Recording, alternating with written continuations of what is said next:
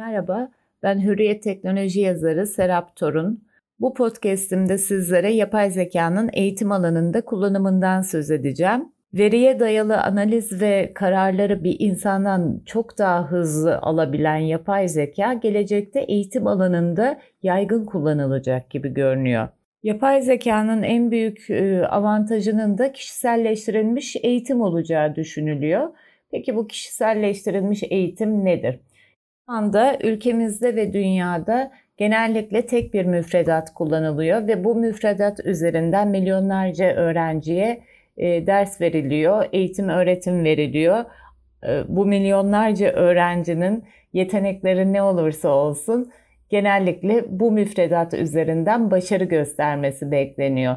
Oysa yıllardır psikolog ve psikiyatristlerin belirttiği gibi çeşitli araştırmaların da ispatlamış olduğu gibi insanlar birbirinden farklı şekillerde öğreniyor ve farklı hızlarda öğreniyor. 30-40 kişilik sınıflarda bu hızlara uygun, herkesin öğrenme şekline uygun eğitim vermek takdir edersiniz ki çok mümkün değil. Bunun gerçeğe uyarlaması olamaz. Bu yüzden de kişiselleştirilmiş eğitimi yapay zeka ile daha interaktif sistemler aracılığıyla ver, e, vermek çok daha doğru bir yaklaşım olarak görünüyor.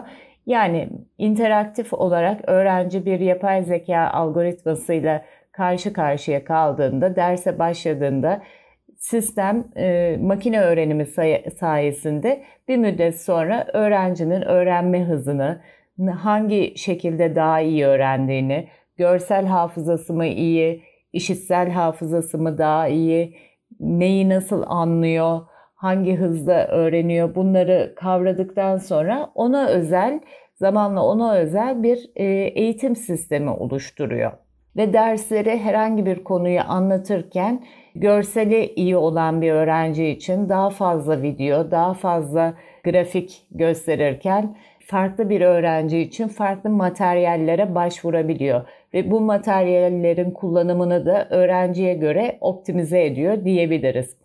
Eğitimde yapay zeka kullanılmak istenmesinin bir diğer sebebi de eğitimi ucuzlatmak ve herkes için ulaşılabilir hale getirmek. Ee, genel bir sistem üzerinden e, daha interaktif e, bir eğitim sağlamak, öğrencilerin başka ülkelerden fiziksel olarak gelip farklı bir ülkede eğitim almasındansa uzaktan bağlanarak yapay zeka sistemli e, dil sorunu yaşamayacağı çünkü otomatik çevirecek e, ve farklı kültürel sorunlar yaşamayacağı bir sistemde dünyanın neresinden bağlanırsa bağlansın eğitim alabilmesini sağlamak. E, bildiğiniz gibi dünyanın büyük bir kısmı aslında şu anda okur yazar değil. E, fakat bundan 10 yıl 20 yıl sonrasına baktığımızda da diploma gerçekten eğitim çok önemli bir noktaya gelmiş olacak. Bunu yükseltebilmek, okur yazar oranını yükseltebilmek, eğitimli kitleyi yükseltebilmek için de özellikle UNESCO'da bu şekilde e, bu yönde tavsiyelerde bulunuyor. Yapay zekadan e, eğitim alanında bir an önce faydalanılmasını öneriyor. Öğrenciler için de e, çok daha büyük e, kolaylıklar getireceği düşünülüyor böyle bir sistemin. Yapay zekanın kullanılmasının istendiği bir diğer noktada sadece eğitimi takip etmek değil, aynı zamanda öğrencilerin psikolojik, ruhsal durumlarını, fiziksel gelişimlerini de takip etmek e, olarak önümüze çıkıyor. Bunun e, bir örneği geçtiğimiz günlerde Çin'de yaşandı. Okulda yüz tanıma sistemi e, yüklü kameralar tarafından öğrenciler takip edildi Ders sırasında dikkati dağılan öğrenciyle ilgili öğretmene bildirim gönderildi ve belki de teneffüs vermesi ve bunun gibi istendi. E, ancak burada yapılan uygulamada ders haricinde de öğrenciler koridorlarda, okul bahçesinde takip edildi ve bazı psikolojik sorunlar ya da gelişim bozuklukları gösteren öğrencilerle ilgili velilerine bildirimler gönderildi. Fakat bu e, veliler tarafından e, pek hoş karşılanmadı. Hatta veliler bu durumu insan haklarına aykırı olduğu gerekçesiyle protesto ettiler ve okulda bu uygulama kaldırıldı.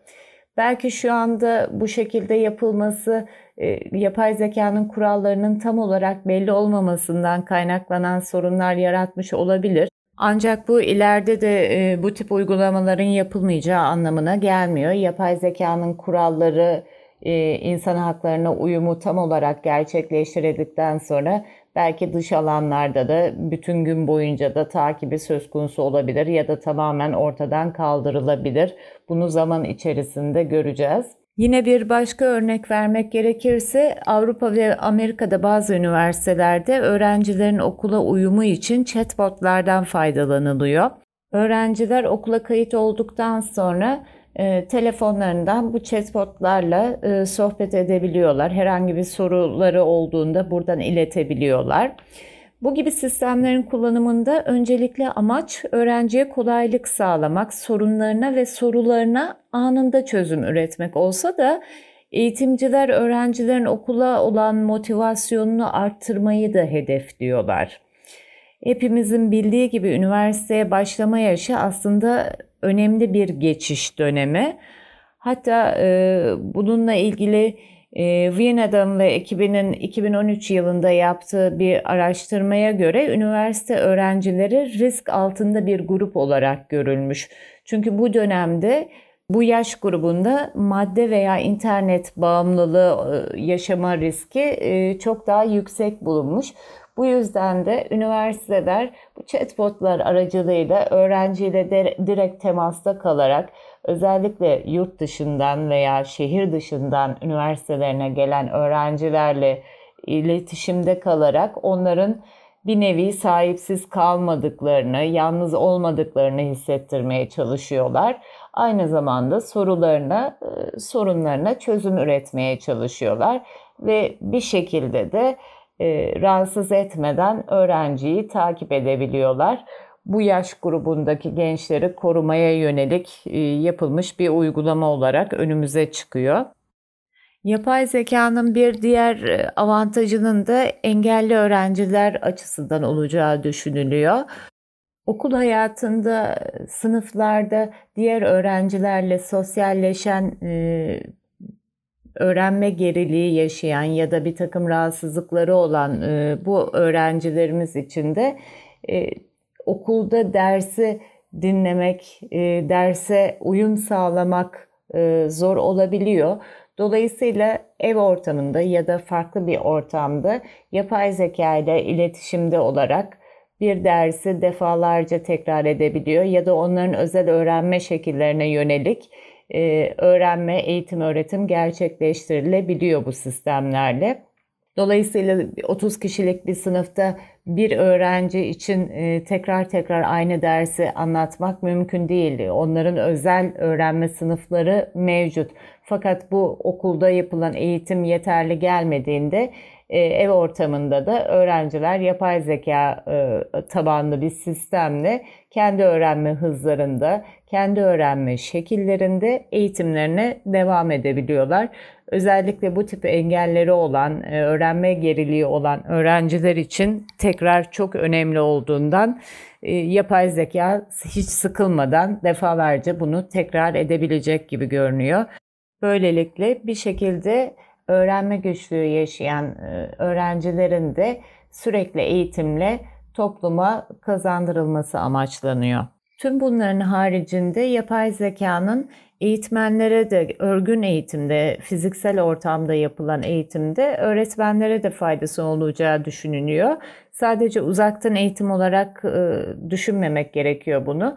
Normal bir okulda da yapay zekalı altyapı kullanıldığında öğretmenin yaptığı bazı vakit kaybına yol açan işlerin işte yazılı okumak gibi bir takım yönetimsel işleri takip etmek ve e, e, evrakını düzenlemek gibi bunları yapay zeka yaptığı takdirde öğretmenlerin öğrencilerine daha fazla vakit ayırabileceği ve performanslarının daha çok artacağı, daha fazla eğitime, öğretime odaklanabilecekleri düşünülüyor.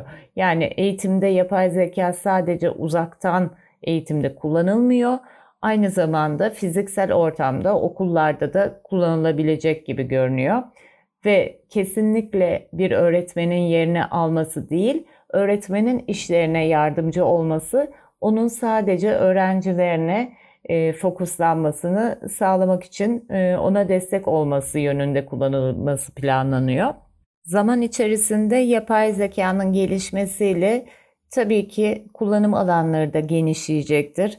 Aynı zamanda yapay zekanın kullanım sınırlarının, hukuksal sınırlarının belirlenmesiyle de bu buradaki taşlar daha yerine oturacaktır. Ee, ancak şu an için ilk etapta kullanılacağı alanlar bu söz ettiklerim gibi görünüyor. Bu podcast'imizde yapay zekanın eğitim alanında kullanımından söz ettik. Bir dahakine başka bir konuyla birlikte olmak dileğiyle. Hoşçakalın.